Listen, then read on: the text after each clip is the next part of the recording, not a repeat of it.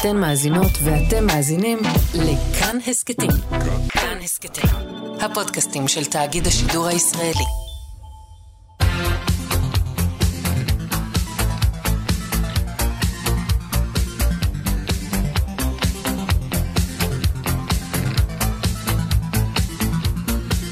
חלון גאווה עם איציק יושע.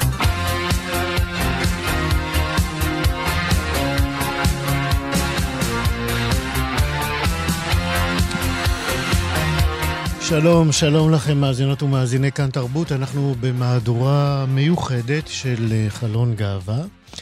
המהפכה הלהט"בית הולכת וקונה לה אחיזה בחברה הישראלית ומקפלת בתוכה אה, עוד אה, ועוד אה, מהפכות אחרות, מהפכות שמשיקות, מהפכות אה, שעוברות על ובתוך החברה הישראלית. היציאה מהארון של מאות אלפי להט"בים משכה אליה גם אוכלוסייה מושתקת אחרת. אה, אני מתכוון לאוכלוסיית היוצאים בשאלה, שמבקשים גם לצאת מהארון. אה, היציאה הזאת היא בעצם יציאה כפולה שכרוכה במאבקים ובמצוקות רגשיות אה, רחבות היקף. לכל יציאה כזאת יש מאפיינים ייחודיים, אבל גם קווים דומים, ואנחנו ננסה לעמוד עליהם מיד בשעה הקרובה. התהליך הכפול הזה של התנתקות מעולמות, של משפחה וערכים, עליהם גדלו כל המעורבים בתהליכים האלה, התהליך הזה הוא דרמטי, ועל מנת uh, לעבור אותו דרושים לו בעיניי לאדם הרבה מאוד כוחות נפש, מעגלי תמיכה uh, uh, ואומץ, אומץ נפשי. שלושה אמיצים כאלה, שעשו את היציאה הכפולה הזאת, נמצאים כאן איתי עכשיו, איתי באולפן. הם uh, באו כדי לעזור לי ולכם לשפוך קצת אור על החיים שלפעמים מייסרים בצל של החלום והתשוקה הגדולה להתנתק מהדת. וגם על דרך החתחתים, בדרך להגשמת חלום גדול לא פחות מזה, שהוא לנפץ את דלתות הארון ולעמוד על זכותם, זכותנו, לחיות את חייהם בזהותם המינית והמגדרית. כולם, בשלב כלשהו של התהליך הזה, מצאו אוזן קשבת ומקלט בעמותת הלל. זאת עמותה שמזה 30 שנה מסייעת ליוצאים בשאלה מהמגזר החרדי, אה, שמבקשים אה, להשתלב בחברה הישראלית החילונית. שלי לביא, היא הראשונה מבין השלושה שהגיעו, היא אישה טרנסית, אה, בת 40, אימא לשלוש בנות חרדיות, שהתנכרו לה במהלך הגירושין מאימם השנייה. שלי התחילה את התהליך, את אה, תהליך ההתאמה המגדרית לפני יותר משלוש שנים, וכיום היא חיה עם בת הזוג שלה בראש העין, היא עוסקת בניקוי ובהחזקת בניינים. מושקה קורקוס היא בת 26, היא גדלה בבני ברק במשפחה חרדית שמשתייכת לזרם המשיחי בחג... בחב"ד, עוד מעט נדע על זה יותר. לפני ארבע שנים היא יצאה בשאלה, לפני שלוש שנים היא יצאה מהארון כלסבית. היא עובדת כרכזת השכלה ותעסוקה. אליהו שערבני, הוא בן 25, אליהו הוא ביסקסואל, הוא עדיין גר עם ההורים בבני ברק, שבאופן מפתיע מקבלים גם את זהותו החילונית וגם את uh, זהותו המינית. מושקה, אליהו ושלי הם האורחים שלי היום במהדורה מאוד מיוחדת של אה, חלון גאווה לשיחה על יציאה בשאלה ויציאה מהארון. שלום שלי. שלום וברכה. שלום מושקה. היי, שלום. שלום אליהו. אהלן. מושקה, אני רוצה להתחיל איתך. מה זה הזרם המשיחי בחב"ד? אז אה, לא כולם יודעים, אבל אה, חב"ד, אה, לאחר פטירתו של הרבי מלובביץ', הרבי האחרון, mm-hmm. ככה התפצלה לשתיים. הזרם הלא משיחי הוא הזרם שמאמין באמת בפטירתו של הרבי, ובכך שבאמת אין מנהיג שימשיך את דרכו, ורבני חב"ד לקחו את ה... את המושכות לידיים שלהם, והזרם המשיחי בעצם uh, מאמין uh, גם uh, בביאתו של המשיח, ושבכך ש... בכך שהמשיח הוא בעצם הרבי מלובביץ', והוא חי וקיים עדיין. זאת אומרת, הוא עדיין זאת אומרת, מתהלך יש בינינו. ממש מחלוקת גלויה בין שני זרמים בחב"ד? נכון. והזרם המשיחי הוא הזרם המועט יותר והקיצוני יותר. אה, וזה הזרם שלי- שאליו משתייכים ההורים שלך. כן. איך זה מתבטא ביומיום? אה, בגדול, הדבר שהכי אה, בולט זה אה, הסימ- סממני משיח ב- בכל מקום ובכל אה, בכל דבר, ובאופן כללי לזה שהמשיח יכול להגיע, כאילו ההטפה הזאת, שהמשיח בעצם יכול להגיע כל רגע, וכל הזמן להתכונן לביאת המשיח, ויחי אדוננו, שזה בעצם, בעצם אומרים שהרבי הוא חי. אה, כל הזמן לכתוב באגרות קודש, שזה בעצם אה, ספרים שהרבי כתב עוד כשהוא היה חי, ובעצם זה כמו, אה, כמו קלפים כאלה ש... כועסים עליך שאת אומרת שהרבי היה חי, הוא חי עדיין, לא? בשבילם הוא חי, כן. אז כועסים עליך כשאת אומרת היה כן. חי, אם נכון? הם ישמעו, הם יכעסו. אה, אוקיי. וכן, אז בעצם, אה, זה בעצם הטפה משיחית, שהרבי הוא עדיין אה, חי, הוא עדיין איתנו, ו... ו... וביאת המשיח, בגדול ברמת המצוות והתורה זה אותו דבר. מהמם. אה, אבל אה, זה איזושהי הקצנה אה, באידיאולוגיה של הרבי ושל התנועה ושל ה... אז כן. מעניין. מתי החלטת, מתי הרגשת שאת בעצם אה, מאוד אה, חנוכה בעצם במסגרת הכובלת הזאת של דת? היום החזות שלך לגמרי חילונית, אה, אנחנו ברדיו, אבל אני יכול לתאר אותך כלגמרי עוד בחורה חילונית שאני אפגוש ברחוב בתל אביב.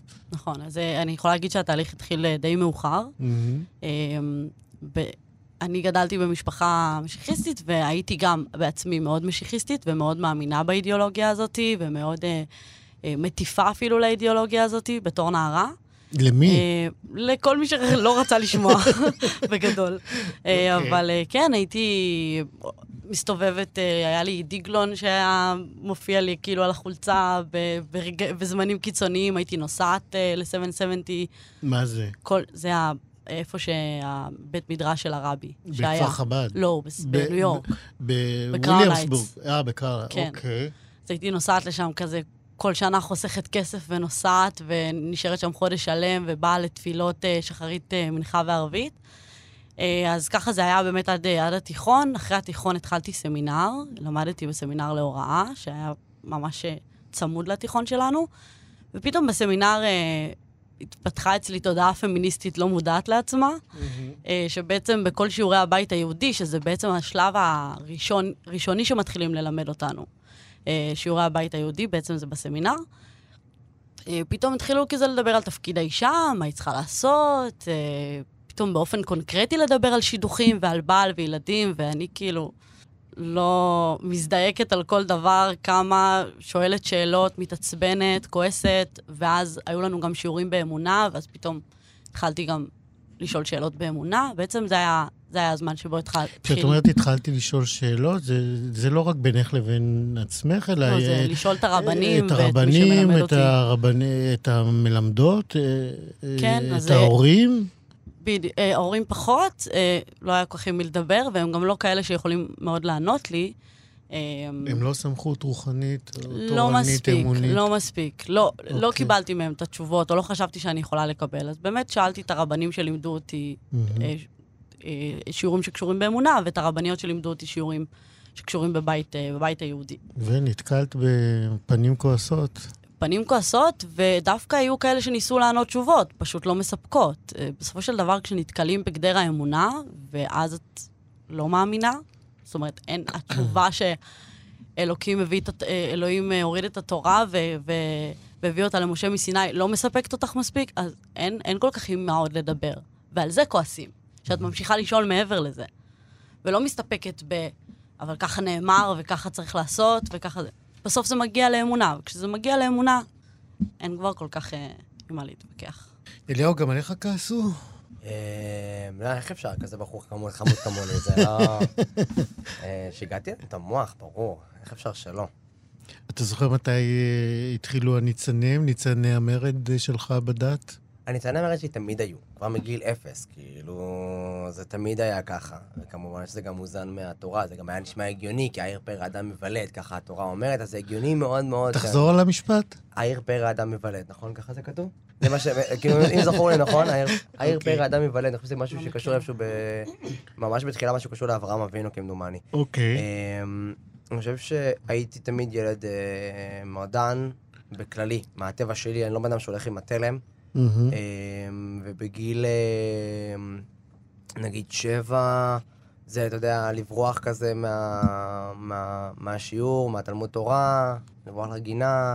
כשזה מתחיל כבר יותר להתבגר ולהיות כבר יותר רציני, אז זה כבר אה, בלאגן עם, הח... עם החברים, ואם אנחנו רגע נכניס רגע שנייה רגע בסוגריים את כל העניין של הנטייה המינית כבר, שמתחילה להתפתח, והסקרנות המינית שמתחילה להתפתח כבר, אה, אז בכלל, סוסו ושמחו מה שקורה בכיתה. אה, מה וגם- קורה? מה, אתה נהיה יותר אנרגטי, יותר אה, פעיל, אה, יותר שובב, יותר מתריס? אמ, אוקיי, אני, אני אגיד את זה. הסקרנות וכל החניקה המינית שקורית מאוד מאוד, ואין דיבור על זה כמעט, יוצא מצב שאתה אתה נמצא בכיתה, ויש המון המון טסטסטרון בכיתה, ומתחילים כבר לעשות כל מיני שטויות ודברים כאלה, ואז אה, אחד הילדים מחליט שהוא רוצה להתחזק רגע, ולא מתאים לו הדבר הזה, הוא מספר את זה להורים, ואז לאחר מכן מתחילה להיות מלחמה וזה, ואז עושים כבר רעש ודברים כאלה, אז אה, זה מה מהבחינה הזאת. ואז מה, זה מגיע להורים, וההורים, מגיע מה- להורים. מה הם עושים איתך? אה, ספציפית, האמת, אחד מהמקרים שאני זוכר, שאני לא אשכח אותם ממש, זה שאימא של אחד התלמידים אומרת לו, אה, את השם שלו, אני כזה, לא מעדיף להגיד את השם כרגע, וכזה, ותשמור מרחק מאלי. אה, והמרחק הזה הפך לחרם חברתי, כאילו, פחות רלוונטי מבחינתי כרגע. זה כי מה, כי. אלי הוא מה? כי אלי, הוא מדרדר אותך לדברים לא טובים, לדברים לא צנועים, כמו שקוראים לזה שם בחברה החרדית. ו- מה ו- זה לא צנוע? זה אה, התנסויות מיניות ברמת ה... למזלי, לא רכב התנסויות מיניות אה, מלאות ודברים כאלה, אבל איזשהו מזמוזים כאלה נקרא לזה, בין תלמידים, שזה דבר מאוד... אמור בין להיות- בנים התלמידים? בין בנים. אנחנו, אין אוקיי. הרי בנות בכלל בכל המרחב כן. הזה. הבחורות היחידות שאני פוגש זה כאילו שת- מה שאתה הולך ורואה ברחוב, שאין לך שום גישה איתם, לא דיבור איתם, אתה לא יודע את השם שלהן אפילו. מהמם. אז הדבר הזה אוטומטית כאילו אה, מוליד איזשהו אה, משהו מסוים. אה, זאת אומרת, זה חטאים כפולים, זה גם ח- חטאים אמוניים וגם אה, כן. חטא אה, מוסרי אחר. כן, כי, כי, כי זה גם, זה לא לגיטימי, עזוב את העבירה רגע בצד, הרי אין פה עבירה. אין פה לא הוצאת זרע לבטלה, ואין פה, פה משכב זכר, אין פה שום איסור. יש אבל אהבה. איסור חברתי. אבל הוא איסור חברתי. כן. אתה לא יכול, אתה לא זה. מעבר לזה, אה, אז באותו זמן האמונה שלי הייתה סבבה. פשוט לא היה לי כוח כל כך לעבוד את הקדוש ברוך הוא. היה לי קשה עם זה. אוקיי. אה, ואז בגיל אה, 14 אני עולה כזה לישיבה קטנה. ושם אני כבר נמצא בשלב שזה כבר יותר אחריות, יותר רצינות כבר, זה כבר אחרי בר מצווה והכל. ובמשך כל הזמן הזה אני רק רוצה לעזוב את הישיבה, אני כבר קולט שזה כבר לא המקום שמתאים לי. אני לא רוצה את החברה הזאת. אמ, לא מתאים לי להיות עוד אברך שלומד אה, לומד בכולל, כותב ספר על איזשהו משהו, מתפרנס מאיזשהו משהו. אמרתי, גם בוא נגיד ואני אכתוב ספר, ואני אתפרנס, לא זה מה שאני רוצה. בזמנו אני זוכר, אני הרי בכור במשפחה. ויש איזושהי אמונה שכשבית המקדש ייבנה, אז אה, אחד מהאנשים שיקבלו את, ה... את, ה... את החזרה לכהונה זה גם הבכורות. הם יחזרו לכהונה. אז אמרתי, אוקיי, אני אלך עם חולין, שזה בעצם הדבר שמדבר על שחיטות וקורבנות. תן לי ללמוד משהו פרקטי. כאילו, אל תייבש אותי על שורש הנגח את הפרה, כאילו, מה אני אעשה? שיריבו, שילכו לי ייעוד זוגי, מה אני אשם בזה עכשיו, כאילו? או שהם פשוט יגלו שהם צריכים את עצמם מהארון, והשור בפרה ילכו לכל אחד, כאילו, לא, מה אתם רוצים, מה, מה אני אשם בזה? אה, שלוש שנים שרדתי בישיבה הזאת, בזכות המשגיח האמת. אני לא יודע אם הוא ישמע את הפודקאסט, אבל תודה. הוא הציל אותי, כאילו, גם מהבחינה החברתית, כי אם אני חושב שאם הייתי יוצא באותה תקופה, בגיל 15, הרחובות היו מקבלים אותי. אה, הוא שמר עליי מאוד, חיבק אותי והכיל אותי. מה הוא אמר לך? האמת, בעיקר הוא דיבר איתי בהומור. אני חושב שאחד מהדברים שמאוד עזר, לי, זה כזה, הרב, די, נמאס לי מהראש היבה. הראש הישיבה זה בעצם המנהיג הישיבה, נמאס לי. גם לי אין כוח אליו, אין מה לעשות, בוא נשרוד אותו ביחד, בוא, אתה תעזור לי, כזה. נתן לי כאילו חיזוקים כזה של חינוך כזה, בוא, אתה תעזור לי עכשיו. אוקיי. אמ, אז עברתי את זה. ואז, אה, וגם שמה, המון התנסויות גם עם בנים ודברים כאלה, שוב, כי זה גם מה שיש. ושמה כבר אני יותר מתפתח, ואני יודע כבר על המשיכה המינית שלי, גם לבנים וגם לבנות, אני רואה אותה. יש לי את ההתנסות בעיקר עם בנים, אין לי עם בנות בכלל. יש לי איזושהי שכנה שיש לי קראש ראשוני עליה, ואני כאילו אומר לעצמי, וואו, ומעניין מה יקרה, ואם אני אעשה עם זה משהו. אמ, ואז ישיבה גדולה, וזה כבר עם פנימייה. אני יושב כבר בחדר עם עוד שתי בנים. ויש את הרגעים האלה שבו אחד מהחברי החדר יוצא מהחדר, אז אני, החבר חדר השני ניגש אליי למיטה, ואנחנו כבר מתחילים כבר כל מיני משחקים, והכל כאילו, אתה יודע מה? אומרים שהרומנטיקה מתה כאילו לגמרי בציבור החרדי, וזה לא, כאילו בין בחורי ישיבות יש רומנטיקה מטורפת ויותר, אני... זה... באמת? זה... שלי, את מהנהנת. ברור, אני... הקטע הזה, כאילו, נכון, אני, אוקיי, אני טרנסית, אבל מלכתחילה אני הייתי, כשהייתי תלמיד בתלמוד תורה ובישיבה הקטנה ובכל זה, אני התחלתי, אה, עצם היותי מי שאני תמיד, כמו שאליהו אמר, יש, ההתנסות בציבור החרדי זה עם הבנים בגלל שתלמוד תורה הוא רק בנים, והבית ספר של הבנות הוא רק בנות. אז אין את האינטראקציה עם המין השני. אז אצלנו למשל, אני, מה שאני, שאני זוכרת את עצמי... איפה גדלת? בני ברק. מה שאני זוכרת מ... אצלי למשל, כבר מגיל כיתה ה', ו', כבר היה לנו את העניין המיני, וכבר היו דברים אה, שאפשר להגיד, מי שישמע השם ירחם. כן? למה? כן, כי הניסוי, כאילו, מה שהיה אצלנו, אז לא היינו עושים את זה בכיתה, אבל כן היינו הולכים למקלט של אחד הבניינים, והיינו מתנסים או בהקפ... בהפסקות, ובודקים, אוקיי, מה המצב שם? אוקיי. ואני זוכרת שאני כבר בגיל 13 בערך, כבר היה לי יחסים עם אה, חבר, לפני הבר מצווה. אה, מגיל 12 וחצי כזה, שמזמוזים היו ברמות, כאילו ממש, היינו תמיד, הוא היה לומד בתלמוד תורה אחד ואני במקום אחר, הוא מסיים בשעה אחת, ואני כנ"ל אותה שעה.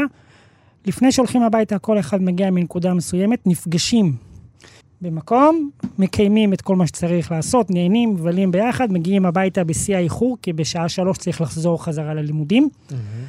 אז מגיעים זה הביתה. נשמע לו מוכר לאליהו. כן, זה... אותו תפוס תמיד. ואז כאילו, אני הייתי בבית ספר הזה עד uh, כיתה ח', תחילת ח', ואז כאילו העבירו אותי למקום אחר, שחשוב, משנה מקום, משנה מזל, אבל... בגלל זה, סליחה שאני מתערב, בגלל הסיבה הזאת, זה כאילו היה הסיבה שהוציאו? אה, לא, לאו דווקא בגלל הסיבה הזאת, גם הסיבה הזאת. תשמע, יש כאן ילדון שיש לו התנסות עם כמה. שהוא לא צנוע. שהוא כן. לא צנוע, השם ירחם. אבל, אה, ואז העבירו אותי לבית ספר אחר, ששם הוציאו אותי מסיבה לא מובנת בכלל, לא קשור לזה בכלל. ומה שנפל לי האסימון עכשיו לאחרונה, שאני למדתי בישיבה בירושלים. יש פנימייה. אני גרתי בבני ברק, למדתי שם, והייתי גרה אצל משפחות. הרחיקו אותי מכל נושא שאפשר להיות עם קבוצה. לישון פנימייה, לא. מאיזו סיבה? לא יודעת, כל החברים שלי בישיבה, כולם בפנימייה, למה אני לא? זאת אומרת, מה, היית מסיימת את יום הלימודים והולכת לישון בבית הולכת המשפחה. בל, אצל אה, בני דודים של ההורים שלי, אצל אה, חברים של ההורים, או דודים שלי, או דברים כאלה, מכל מיני סיבות כהנה ואחרות, שגם בתקופה הזאתי, ההורים שלי כבר, אימא שלי יותר, היא קלטה שגדל לה כאן איזה משהו שיוצא? עם בנים, אוקיי. שאוהב את האינטראקציה עם בנים. יש לי שכן שאנחנו, שמגיל ממש 12 וחצי, 13, אנחנו, כל פעם שהייתי מגיעה הביתה, אמא שלי הייתה אומרת לי, כשאת יורדת למטה, אני מדברת, אוקיי, לא לשכן הזה. כמו שאמרו לאליהו. כן, לא ללכת לשכן הזה, אבל שלי כמו שלי, שומעת כאן וזה עובר, והם ממשיכים, והייתי הולכת ונהנים והכל, מה הבעיה? אין לי שום דבר איתו, כאילו, לא ידוע לי. אמ, בתקופה של הישיבה הקטנה עברתי טיפולי המרה, לא עבדו. עינויי ההמרה, את מתכוונת. אמ, אני לא יודעת, כאילו, אני אחר כך הבנתי שזה נקרא טיפולי המרה, או עינויי המרה, או מה שזה לא יישמע. כל מיני uh, מצבים שכאילו אמרו לי, למשל, אם את מרגישה שיש לך חשק מיני, תעמדי על רגל אחת במשך עשר דקות, וזה ירד לך. אם uh, את, uh, יש לך פתאום משהו בחלום בלילה, וזה, את ישר מתעוררת וכותבת את זה על דף, ומשננת את זה כל היום, ואז כאילו, דברים שלא עבדו בכלל. לא היה הפוך, זה פשוט הגיע יותר חזק מהזמן. את מחייכת, אה, כולנו גם מחייפים, אבל זה, זה פשוט מזעזע. זה מזעזע וזה קיים בעולם, כן. ואני כן מכירה אנשים שנכנסו לדיכאונות כי זה נמצא.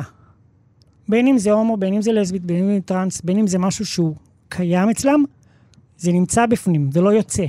אז מלמדים איך להתמודד עם זה, אוקיי, אבל זה משהו שקיים, הוא נמצא בראש, בתת מודע, הוא קיים, ואז, אוקיי, יש לי משיכה לאותו אחד, אז עכשיו אני אצטרך לעשות את זה. לא, אני לי להגיע, כי לפי הטיפול שאמרו לי, אני צריך לעשות ככה וככה וככה. אז זה משהו שמאוד קשה. כן. אני עוצר אותך שנייה, זה קורה פה דבר נורא מעניין. אה, אנחנו אה, מדברים על יציאה בשאלה, ואתם, עוד מעט אני אגיע אלייך מושקע, אתם הולכים מיד ליציאה מהארון ולחלק הזה. כי אחת השאלות באמת שרציתי לשאול אה, את שלושתכם זה, אה, היום, ממרחק הזמן, מה היה קשה לכם יותר, היציאה מהדת או היציאה מהארון? אה, לדעתי אני כבר יודע את התשובה, אבל אני רוצה לשמוע מכם, מושקה, אבל שנייה לפני זה, עוד שאלה קטנה אלייך שלי. Mm-hmm. מתי הרגשת שגם הדת היא מקום שאת לא יכולה להיות בו? אמ, אצלי זה הגיע דווקא בגיל 16 וחצי כזה. למדתי, אמ, קודם כל הדת לא דיברה אליי אף פעם, כאילו לא היה לי את העניין הזה, ההורים שלי עבדו, ואני... תמיד אומרים הכבשה השחורה, אז הייתי הכבשה הצבעונית. כן, הייתי מנסה, לא היה עובד, אבל תמיד. ולמדתי בישיבה במקום בארץ, איזה מושב, ושבת בצהריים מגיע הרב לאיזה בחור, אומר לו, עוף לי מהישיבה, קח את החפצים שלך ולך מפה. שבת בצהריים. שבת בצהריים. לאן? אוקיי? הביתה. איך? שבת. זהו, הבחור, הישיבה נמצאת במושב בדרום, כביש ראשי ממש קרוב לישיבה, מרחק של 20 מטר ברגל, 30 מטר, עם מזוודה, הולך לשם, עוצר טרמפים, ואני רואה אותו עולה על הטרמפ, ואני שואלת את הרב, זה מותר? עם כל העניין של שבת, זה מותר? הרב אומר לי, זה פיקוח נפש, כי הוא יכול לקלקל את שאר הבחורים בישיבה. אוקיי, פיקוח נפש, תכניס אותו לחדר, סגור אותו שם עד מוצאי שבת, כי אסור בשבת. אבל זה לא פיקוח נפש דוחה שבת, הבן אדם הזה לא ימות. זו ההחלטה שלי. מושקה, מתי כזה זה קרה לך באמת, והרגשת שזה יותר מדי בשבילך? אמ, אנחנו מדברים על היציאה מהארון. מהדת. מהדת. אז אה, כמו שאמרתי, כאילו, התהליך הפנימי התחיל כזה באמת אה, אחרי התיכון. כן, התחלתי עם זה קודם, אני, אני רוצה באמת אה, להתקדם עם זה. אה, בעצם המקום שבו הכעס שלך, או ההתנגדות הברורות שלך גברו, כשהגיע באמת עניין הנישואים, נכון? התחילו, אביך מן הסתם בא אלייך עם הצעה לשידוך. נכון, בגיל יחסית מאוחר, יש לומר, הם די פחדו ממה שיש לי לומר על הנושא, והם הגיעו, הוא הגיע אליי עם הצעת שידוך קונקרטית בפעם הראשונה, תמיד הם דיברו כזה באוויר. קונקרטית אבל... זה אומר שאת ידעת מישהו, מי הבחור? בחור, כן, ידעתי מי הוא. אמ, ואז אה, אמרתי לו, קודם כל אמרתי לו לא. ואז אמרתי, ואז הלכתי אחורה וחשבתי עם עצמי, ואז פתאום הבנתי, כאילו, חשבתי כמה זמן, והבנתי שאני לא רוצה לגדל ילדים, לקהילה כזאת, שהערכים של הקהילה, שאני באמת כבר לא מאמינה, פתאום כאילו קלטתי, את לא מאמינה, את לא רוצה להיות דתייה. את לא רוצה... כאילו, תהיה התנגשות ביניכם, בינך. לבין הבחור הזה, אה, כי הוא יהיה חרדי, ואת תהיי לא, לא דתייה. אה, עזוב את זה שכאילו בדיעבד אני גם לא רציתי להתחתן איתו כי הוא גבר, אבל אז לא, לא בדיוק הבנתי את זה. פשוט כאילו הרעיון של נישואים במסגרת החרדית פשוט לא התאים לי. זה באמת היה הנקודה שבה התחיל התהליך החיצוני שלי, השינוי החיצוני שלי. התחלתי ללכת עם מכנסיים, הפסקתי לשמור שבת, נסעתי בשבת בפעם הראשונה. איפה אה, גרתם אז? בבני ברק. אבא שלי הוא שליח חב"ד בעיר. אה, ו... עדיין. והבת של שליח חב"ד הולכת עם מכנסיים, השם ירחם, איך אתם אומרים? השם מאוד ירחם, כן. כן? בהחלט זה היה הסיבה שבגללה אחרי כמה חודשים הבנתי שאני צריכה לעזוב את הבית. לא כי הם אמרו לי משהו, הם מאוד היה חשוב להם שאני כן אשאר בבית, זה משהו ש... יש לי עוד שני אחים שיצאו בשאלה, אז מה שנקרא, הם למדו מהם את הלקח, והם... חשוב להם שהילדים יישארו בבית. אחים אה, בוגרים ממך. אחים בוגרים ממני, כן. אה, ובעצם אה, צריך לומר שההורים שלך הם חוזרים בתשובה? אבא שלי חוזר בתשובה, כן. אמא שלי חרדית ספרדיה. אוקיי. אה, וראיתי שזה פשוט מסב להם אי נוחות, והם מרגישים לא נעים, והם... שזה לא בא להם בטוב, שזה גורם לנו לחיכוכים שהם לא על זה, אבל הם בעצם על זה. מכירה את זה? מכיר את זה? אה, ו... ואז יצאתי מהבית, ובעצם אה, התקשרתי לעמותת הלל בפעם הראשונה, זו הייתה הפעם הראשונה שהודיתי בקול בזה שאני יוצאת בשאלה. זאת אומרת, יצאת מהבית, את אומרת, הם לא אמרו לך, אבל בעצם הרגשת הרגשתי אה, לא- לך להיות שם יותר. כן, אבל גם לא אין לך. לאן ללכת. בדיוק. ואני לא מכירה שום דבר, ואני לא, לא יודעת איך אה, שוכרים דירה. אה, בקושי, כאילו, את החשבון בנק פתחתי עוד, כאילו, אז, לפני שעבדתי. אה, לא ידעתי כלום, אז אמרתי, שום אני דבר צריכה... במיומנויות החברתיות, מיומנויות בעולם אה. החיים בעולם החילוני, שום דבר, לא היה מוכר לך. לא. ועוד, ואני בחורה שלמדה תואר ראשון. כן. כאילו, חרדית שלמדה תואר ראשון. ועדיין קלולסט, כי בסוף, מה את צריכה לעשות? את צריכה להתחתן, ובעלך ידאג לפרנסה. מה זה שייך? את לא צריכה לדאוג בכלל על כל השטויות האלה. אמ, זהו, ויצאתי יצאתי מהבית, התקשרתי לעמותת הלל. אה, איך ידעת עליהם? אח שלי. אח שלי Mm. שהוא יוצא בשאלה, אבל הוא אף פעם לא נרשם לעמותה, כי הוא פחד, Mm. ולא היה לו מספיק אומץ, והוא עדיין לא רשום לעמותה. והרמתי טלפון והודיתי בקול בפעם הראשונה שאני לא רוצה להיות חרדית, ושאני רוצה להיות חילונית. את יכולה לקחת אותנו לרגע הזה, שמה, רועד הכל? כן, לגמרי רועד הכל. מה? אה, והשיחה כזה, כאילו, מנסה לברר, את בטוחה? ואני אומרת, כן, ובלב שלי, לא, לא, לא, לא, לא, אבל אני אומרת, כן, כן, כן.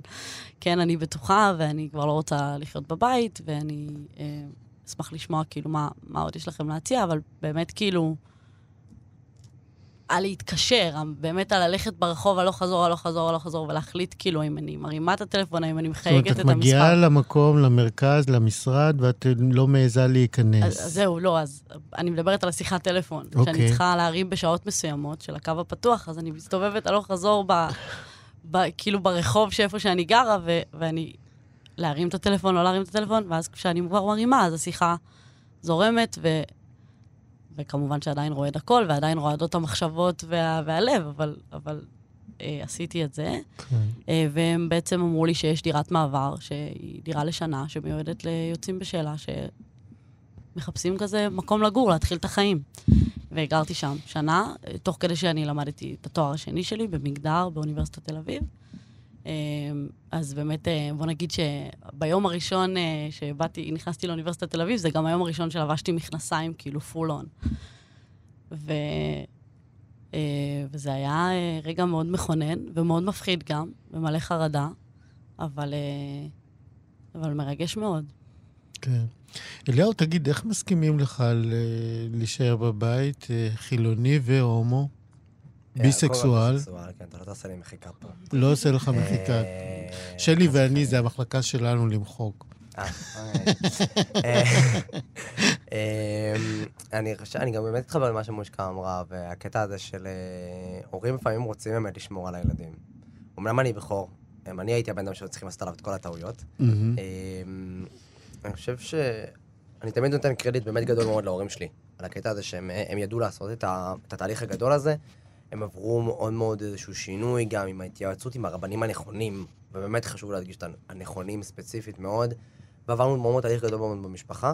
אמ, אבל חלק מהקרדיט, זה משהו זאת אומרת, אתה אומר הרבנים הנכונים, זו- אה, אז אתה אומר בעצם, אה, בזה שהם לא הרחיקו אותך, הם עשו את הדבר הנכון. ברור. אה, זה כאילו... אין לי לא מחלוקת, מרחיקים- אני רק מנסה כן, להבין כן, שזה כן. מה שאתה אומר. כן. כן. אמ, ו...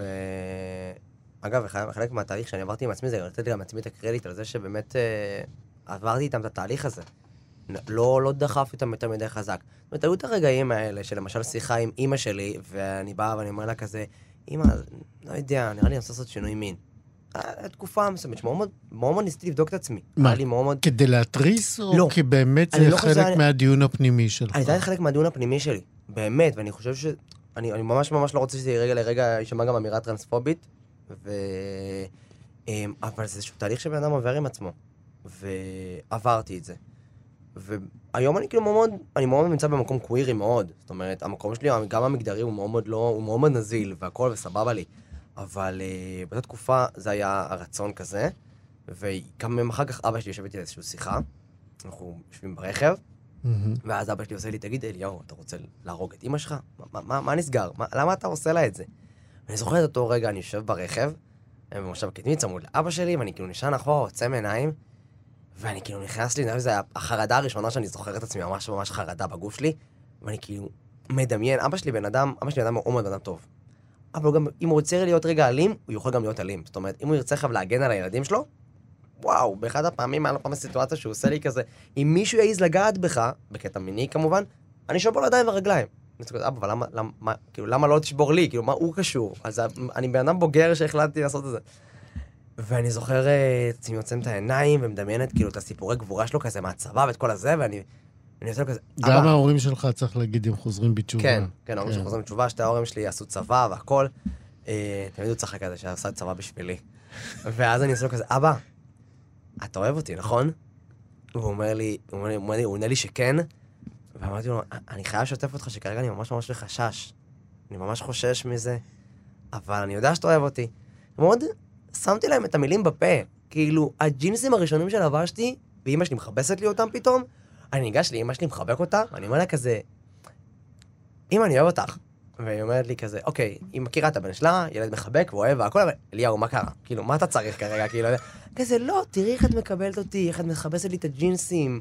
אני זוכר את עצמי כאילו שנים אחורה, בגיל 15, מדמיין את הג'ינס הראשון שלי, והיום את מכבסת לי אותם. זה כאילו, מה היא תגיד על דבר כזה? אין לה ברירה, היא לא יכולה לבוא ולהגיד כאילו, לא, אני לא, לא, לא, לא, רגע, פוס משחק. זה, לא- זה, זה היה המון המון, הדברים האלה, הקטנים האלה, שגרמו להם לחבק אותה, לחבק אותי.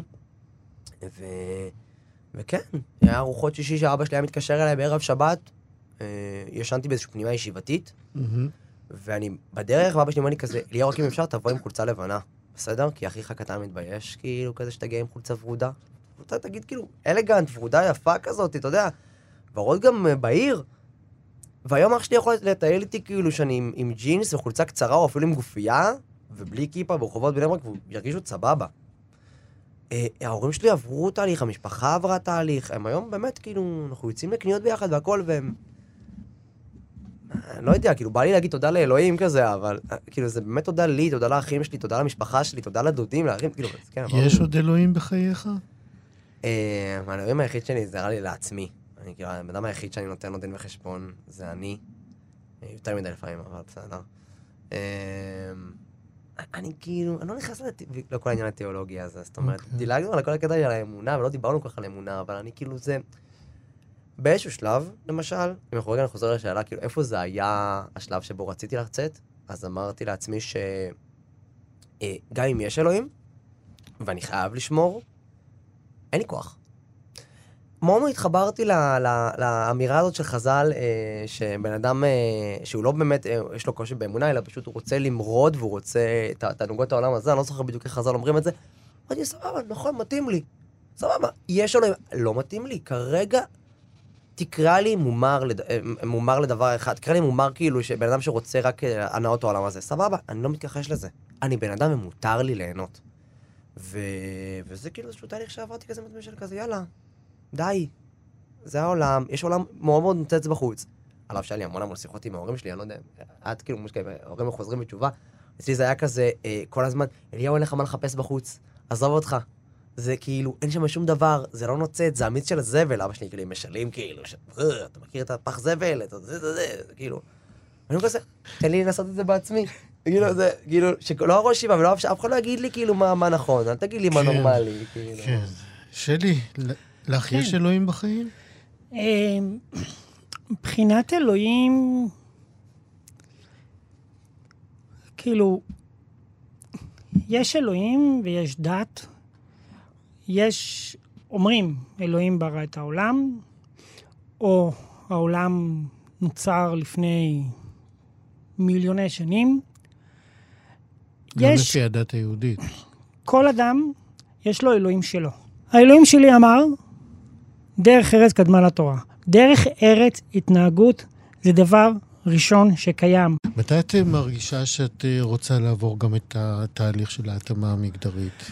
זהו, אצלי זה מסובך יותר, זה התחיל, אמ, אני לא ידעתי מההתחלה, אמ, כן אה, היה לי את החשקים או דברים כאלה, ללבוש בגד נשי או להרגיש נשית או משהו כזה. זה לפני, כן. ש... לפני שהתחתנת.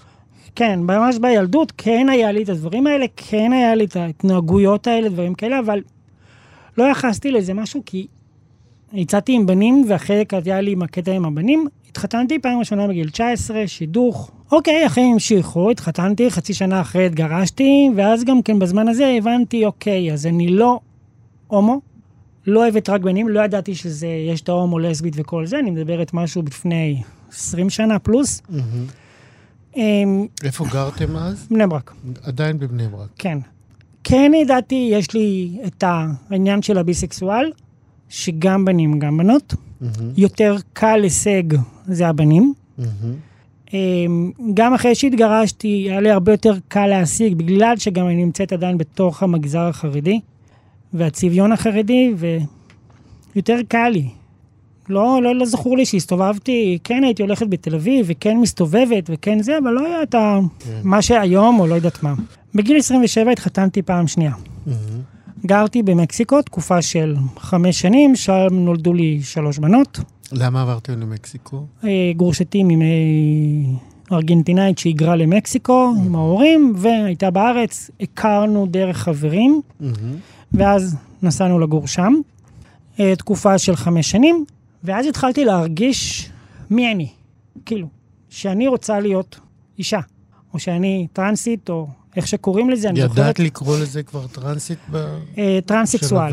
כן, ידעת את זה? אני ראיתי בגוגל, הסתכלתי, חיפשתי ונכנסתי וכתבתי טרנסקסואל, וראיתי את אותן בנות שהן... אה, אמרתי, ככה אני רוצה להיות. משהו שהיום הוא שונה לגמרי ממה שאני ראיתי אז. אה, אני, זה אחרי, אה, הגענו לארץ, אחרי זה שנה וחצי בארץ התגרשנו, ואז התחיל... בינתיים נולדו שלוש בנות. בינתיים נולדו שלוש בנות, הם הגענו לארץ. גם כאן בארץ היה לי יותר קל להשיג גם כן את העניין של, ה... העניין של הגברים וכל זה. מתי בעצם באמת באת אה, לגרושתך, שהייתה אז עדיין אה, אשתך, ובעצם אמרת שזה זה התהליך שאת מתכוונת לעבור? לא אמרתי לה. היא ידעה שאני כן יוצאת עם בנים, מהמם, אה, שזה כבר אמרתי לה, ממש התחתנו לפני, ממש בהתחלה. מהמם. אמ, אחרי הגירושין, אז שנה, משהו כזה אחר כך, אחרי שהתגרשנו והכל, אז אני אומרת לה שאני רוצה לעשות תהליך לשינוי מגדר. שינוי מין, יותר נכון. מהמם. אמ, וזה סיפרתי גם לאמא שלי. ואז ישר, מה, מה זה השטויות האלה? מה את רוצה לעשות זה? לא. כאילו, תפסיקי לחשוב שטויות, תתחילי לעשות דברים בחיים. מהמם. בלי לחשוב. וזה היה כל העניין הזה של היציאה מהארון, קודם כל אצלי. שאני רוצה ללכת לעשות תהליך לשינוי מין, שאני רוצה את כל התהליך הזה, שאני נכנסת לתוך דבר מסוים. ומשהו, תהליך שאנחנו עוברות, או הוא תהליך ארוך. עד שאני מקבלת את עצמי בתור אישה, מהמם. זה משהו שהוא ארוך.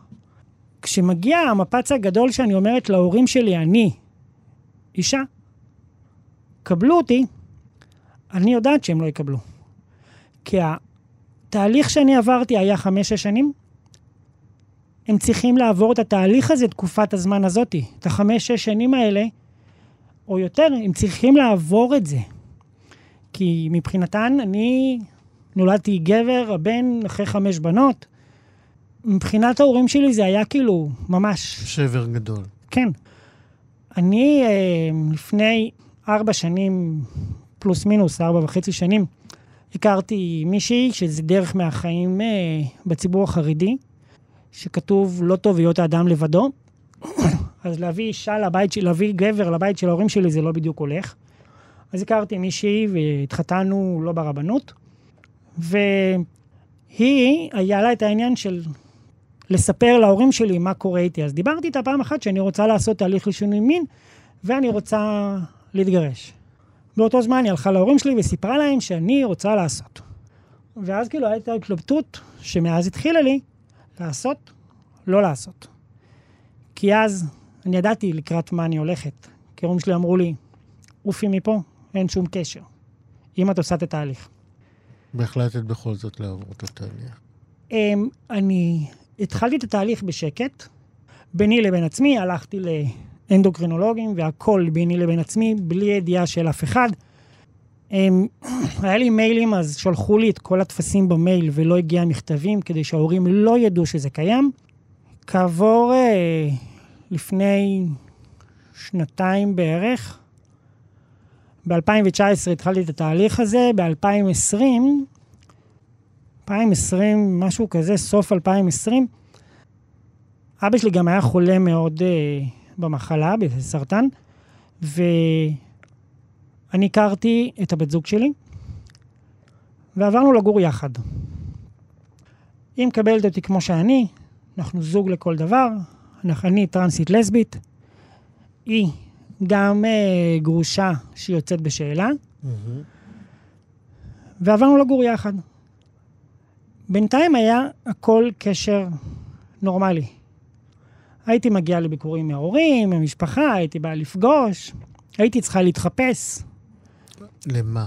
לגבר. כשהייתי מגיעה, אני בתור אישה, עברתי לגור עם הבת זוג שלי, עכשיו אני נשית יותר. כשבאת לבקר את ההורים שלך, ויתרת על החזות כן, הנשית הייתי שלך? צריכה, זה שיש לי לק באצבעות, הייתי שמה כפפות ביד, מסכה על הפנים, קורונה, ואז הייתי באה לבקר את ההורים, אבא שלי חולה, אללה ירחמו, והוא לא בדיוק סיפרו לו מה עובר ומי אני ואיך אני. היה קשר טוב, היה את כל המצב, עד שהגיע השלב שאבא שלי נפטר. כאן, כל, אני אקדים דבר אחד שאני עשיתי לפני שנתיים, לפני שלוש וחצי שנים, לפני שהתחלתי את התהליך, עשיתי סקר בבית בין כל האחים שלי. אם אני יוצאת בשאלה מי נשאר איתי בקשר. אז אם אני יוצאת בשאלה, אז 60 אחוז מנתקים קשר, 40 אחוז יהיו בקשר מרחוק, לא לביקור וכל זה. אם אני יוצאת uh, מהארון בתור טרנסית או זה, מה, uh, מי איתי בקשר? אז הרוב המוחלט אמרו שמנתקים קשר לגמרי. Um, יש לי, היה לי שלוש אחיות ואח אחד, ארבעה אחים כאילו במשפחה, בקומץ של כל המשפחה, אנחנו 12 ילדים בבית. והם אמרו לי, אנחנו נהיה בקשר, לא נזמין אותך אלינו הביתה למשפחה, אבל כן נהיה בקשר בזה. אוקיי, אז אין בעיה שאני אהיה טרנסית. כי יהיו לי את הגב שלהם שיהיו איתי בקשר. עד שהגיע השלב של אבא שלי נפטר. כאן זה נגמר. הגעתי להלוויה, אמא שלי התקשרה אליי במוצאי שבת, אבא נפטר, בואי להלוויה. אמא שלי עד היום מדברת אליי בלשון זכר, עד היום קוראת לי בשמי הקודם. משהו שמאוד קשה לי לשמוע, אבל אמא שלי צריכה לעבור תהליך ארוך. אני הגעתי להלוויה, עוד פעם, כן, התלבשתי כמו גבר, שמתי עליי כובע, הייתי צריכה להסתיר את הלק. אמ, הגעתי, וכשנפל לי האסימון שהם ממש לא מכירים בי, זה השלב שאני מגיעה להגיד קדיש, שלפני שהולכים לקבורה, הקברן שואל, איפה הבנים? מי אומר קדיש, כן? הגיע אח אחד ואמר שהוא, וזהו. אז הוא בא, ואז אני מתקרבת ואומרת, גם אני. ואז הוא שואל, מה המצב? אמרתי לו, אל תשאל שאלות, לא תשמע שקרים. אחי לקח את זה כאילו מה אני אמרתי, וכאן ממש התפוצץ כל הסיפור. בתוך מעמד ההלוויה. בתוך מעמד הלוויה, בתוך כל המערך הזה. אני אה, נודיתי מהמשפחה לגמרי. מה, מה, מה נעשה? מה הוא אמר לך? אה, היו צעקות? היו... לא, הוא לא אמר לי כלום. הם הגיעו הביתה אחרי ההלוויה.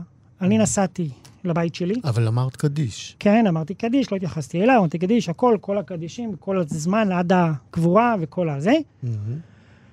אמ, אני זוכרת שהקברן מהחברה קדישא בא לעשות לי קריאה, כשהוא בא לעשות לי קריאה מהחברה קדישא, אז הוא כבר הבין שיש כאן משהו, אז הוא עשה לי רק על הבגד העליון ולא על הבגד התחתון. את הקריאה. כן, מה שעושים לנשים, רק על הבגד החיצוני ולא על הבגד הפנימי, ולגברים עושים על שני הבגדים עד האור, עד הגוף עצמו. אמ, אני הגעתי חזרה הביתה, ואז קיבלתי טלפון מאחי, אומר לי שהמצב בבית קטסטרופה, כולם עצבנים עלייך, כולם זה, לא רוצים שתבואי בכלל על שבעה, כלום. אמ, אני, בכל תקופת השבעה, אני מנתק, מנתק קשר איתך. אם תבואי, אני לא אתייחס. אחר כך אנחנו נהיה בקשר, אין שום, הכל טוב. אני הגעתי, היה לי קשר עם אחות אחת שהגיעה לשם, כולם עם הפרצופים, וכולם כאילו מפחדים מאח אחד, שכאילו, מה יקרה ממנו?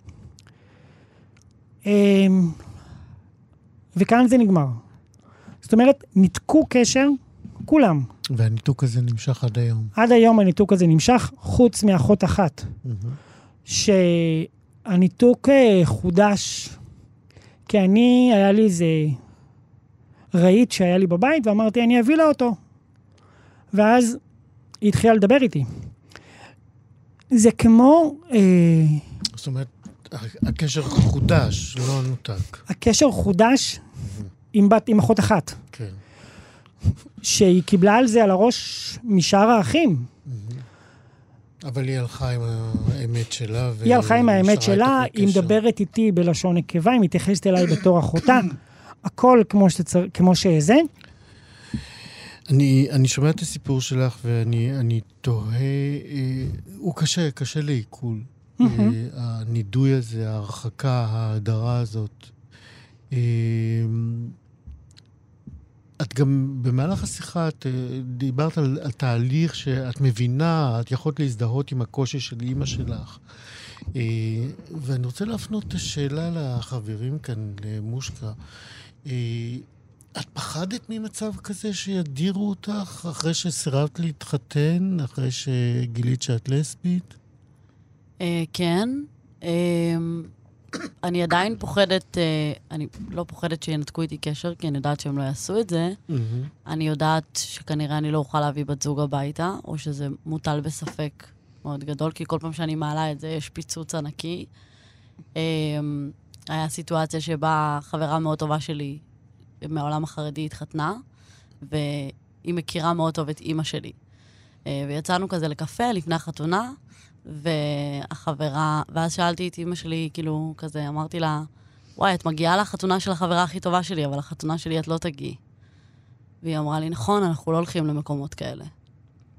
ואני זוכרת שכאילו נחנקתי, וכאילו הלכתי אחורה, ואז שאלתי את חברה שלי, את תגיעי לחתונה שלי? והיא אמרה לי, ברור. ופשוט לא, לא הצלחתי לדבר בכל השיחה הזאת. ואימא שלי כאילו ראתה שאני מאוד כועסת ולא מצליחה להוציא מילה מהפה, ואני זוכרת שחזרתי הביתה והיא שלחה לי אס.אם.אס אה, בלילה ואמרה לי, אני מצטערת ממש, ראיתי שכאילו לגמרי נכבאת ברגע שאמרתי לך את זה. אנחנו נמצא פתרון, אני לא יודעת עדיין מה לעשות, אני לא מצליחה להבין כאילו מה אנחנו הולכים לעשות, אבל אל תדאגי, נדבר אם נמצא פתרון, נמצא אה, מרבנים או משהו כזה. אני עדיין לא בטוחה שבאמת זה יקרה, אני כמעט בטוחה במאה אחוז שאבא שלי לא יהיה שם, אם, אם אכן תהיה חתונה. מהמם. אימא שלי אולי, פתאום יש לי איזושהי תקווה, למרות האמירה הזאת. אז זה כל הזמן תנועה כזאת של פחד לא פחד, אני כן מדברת איתה על אה, מערכות יחסים שיש לי. אין לה כל כך הרבה מה להגיד, היא די משתתקת וכזה, טוב, בסדר, אין לה כל כך מה להוסיף לי. מהמם. אה, אני לא יודעת מה יהיה. כשתהיה מערכת יחסים מאוד רצינית ואני ארצה להביא אותה הביתה, כן. לא אליהו. אתה גם מפחד? אמ, לא, האמת שלא. הם לא... זה לא יקרה. לחתונה שלך ההורים שלך יבואו? אם יהיה לך בן. זוג? אה, זהו, האמת שגם על זה פעם אחת הייתה לי שיחה אה, מאוד מצחיקה, זאת אומרת, זה שלב, תהליך מאוד גדול שעברנו, זאת אומרת, אם ב... כבר מגיל צעיר, הם ידעו שאני, יש לי גם אה, עסקים עם בנים, אני אקרא, עושה את זה במרכאות. יש לי איזושהי משיכה מינית גם לבנים, וזה, עם השנים זה התפתח כמובן, וזה היה מאוד מאוד, ב- בצורה מאוד מאוד גלויה. אה, והם ניסו כמובן לחתן אותי באיזשהו שידוך מסוים, שתודה לאל ולאותו רב מחזיר בתשובה שביטל את השידוך כי לא התאים לו שהאחיינית שלו תצא עם. אז היום אני רווק, והם ניסו לחתן, והיה לי המון המון שיחות מזה. ובשלב מסוים אמרתי לאמא שלי, אמא, תקשיבי, אני ביסקסואל, אוקיי? אני נמשך גם לבנות. יודעת מה, בואי נעשה הסכם. אני אביא לך כלה הביתה, אבל תני לי, פליז, תני לי לעבור את התהליך של עצמי. אין בעיה, נסגור את העסק. ואז בשלב אמרתי לעצמי, רגע, סליחה, לא הבנתי. אם אני ארצה להביא חתן, כאילו, לא הבנתי, מה, מה נסגר? אמ, אז אחרי כמה שנים כזה שיניתי את החוזה, ואמרתי לה שאני לא יודע, אני לא יודע אם אני אביא, כאילו, אמרתי לעצמי, לא בטוח שאני רוצה להביא כלה בכלל, אולי אני לא רוצה להתחתן.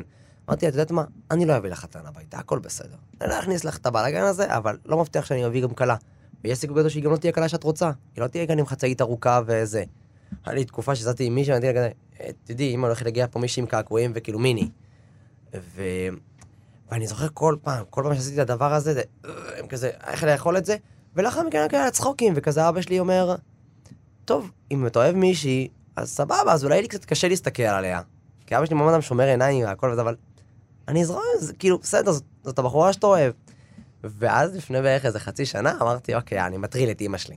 הייתי שיכור, אחרי, אחרי, אחרי שישי בערב כזה, אחרי סעודת שבת שהם מסיימים, אמרתי כזה, אמא, בואי נצא לסיבוב. אני עושה כזה לאימא שלי, אמ, אמא, את יודעת, היה לי תמיד תמיד חלום, שבו אני מביא חתן הביתה, אבל לא סתם חתן, חתן בן ישיבה. עכשיו, כל הזמן הזה, כל בערך חצי, כל בערך חמש שניות שאני אומר כזה, לא תסתום, שלא ישמעו אותך, לא תסתום, תסתום. אני כזה, אבל אמא, תקשיבי, תקשיבי, תקשיבי, תקשיבי, תקשיבי, זה סיפור מאוד מאוד מהמם, זה זה רומנטי, זה יפה, זה- צדיקים, תשמעי. אני מביא אבל בחור רציני, שטייגניסט, לומד תורה כמו שצריך. מה זה שטייגניסט? שטייגן זה, זה בעצם, זה המושג שבו לומדים תורה אה, חזק כזה, עושים, אה, אה, אפשר להסביר דבר כזה לח- לחילונים, סליחה על הזה. שלי, תפרשי. שטייגניסט זה יותר אדם ב... שאומרים על בחור ישיבה, הוא שטייגניסט, הוא אחד מאוד... אה, וואו, זה אומר ש... מתחיל הסדר לימוד בשעה תשע בבוקר, הוא לא משקיען. קם... בדיוק, הוא כן, לא קם מהסטנדר עד אוקיי. סוף הסדר לימוד, זה זה. שיא ה... רציני בלימודים, כן. מאוד חזק. אז אמרתי לה, אני אביא לך דבר כזה, ואז אמרתי לה, תקשיבי, אם יש לי איזשהו חלום, באמת, באמת היה נכון, זה כאילו, זה מהמם. היה משהו שהיה לי בראש, שבו אני מביא בחור בן תורה, והוא יושב ועושה, באמת יושב כאילו, בסעודת שבת, או אחרי סעודת שבת, יושב ופותח גמרא, או משנה ברורה וזה, יושב ולומד עם אחים שלי. ואני זוכר את עצמי בתור בן אדם לא מאמין, ש... ולא בן אדם ששומר תורה ולא כלום, וזה עשה לי נחת, זאת אומרת, הייתה לי איזשהו חלום, הפנטזיה פנטזיה, הזאת, כן. של מקבלים את, את בעלי, או איך לא משנה אקרא לו כזה, בצורה כזאת מושלמת. ואמא שלי עושה כזה, תסתום את הפה שלך, זה לא יקרה הדבר הזה. אבל אמא, תראי, זה... זה, סתם, אני לא אעשה את זה באמת והכל. אה, חשוב לי כאילו רק להגיד כזה, אחרי כל הפרובוקציות האלה, זה, זה איזשהו ניסוי וטעייה שהייתי עושה מול ההורים שלי, לא מתוך מקום של באמת פרובוקציות, כי זה... היה המון המון רגעים שבאמת, כאילו, אני גם אומר לעצמי גם עד היום, של... אם... אה, אולי אני באמת רק עושה פרובוקציות, אולי זה דברים כאלה, רציתי להדליק את ההורים שלי, אני כזה, כמו שאמרתי בתחילת הזה, היה פרא אדם מבלד, אני רק רוצה לעשות בלאגן וזה. לא, זה חלק מהזהות שלי. ולפעמים כל אחד בדרך שלו איך, איך, איך להוציא את זה החוצה כזה. הדרך שלי כלפי ההורים שלי הייתה בצורה כזאת. יש לי תמונות באינסטגרם עם סבתא שלי, שבו אני, לא העליתי אותם, כן, אבל שבו אני עושה כזה איזשהו, אה, איזשהו, אה, אה, איך זה נקרא, אימוג'י כזה מסוים, כזה שבו אני נראה כאילו אישה. כזה, אמא, תראי, סבתא, תראי איזה חמודה אני בתור אישה, תראי, תראי איזה... לקראת סיום אני רוצה לשאול אתכם, אם יש לכם, ואני אבקש מכל אחד משפט אחד קצר, אם אתם יכולים, אם היום תפגשו אה, בחור, בחורה חרדי שנמצא בצומת הקשה הזה של אה, אה, התלבטות כפולה, אה, גם לצאת מהדת, גם לצאת מה- מהארון, מה הייתם מציעים לו לעשות? במשפט אחד, מושקע. אה, אני אגיד, אל תישארו לבד. אני אה, מדריכה בקבוצה של איגי לחרדיות אה, יוצאות אה, בשאלה ולהט"ביות. מהמם. זו קבוצה שבאמת אה, מאפשרת את המקום הזה לא להיות לבד, לא להיות בבדידות בכל הזהויות האלה, Mhm. וביציאה הכפולה מהארון. אז למצוא את המקומות האלה, אם זה הלל, אם זה יוצאים לשינוי, אם זה אה, איגי, אה, באמת לא להיות לבד. אליהו? אה, אני באמת מנסה להיזכר בעצמי, לאליהו הזה, אבל אני חושב שבאמת אה, אין אין הרבה הרבה עצות. אה, חוץ מזה, פשוט של כל החיים שלנו מלאים בבחירות. ואם אנחנו מדברים על מהות הבחירה שהיא מאוד מאוד קשה, פשוט רגע לקחת נשימה ולהבין ש, שזה זה החיים שלנו. ולקחת את הבחירות, וזה בסדר באמת גם להתייעץ, מותר גם עם רבנים. שלי. אני בתור אה, יציאה כפולה שלי, שאני רואה את זה מהצד, מהצד שלי, לגבי אדם, בחור, בחורה שרוצים גם לצאת בשאלה מצד אחד, והתלבטות של יציאה מהארון מצד שני.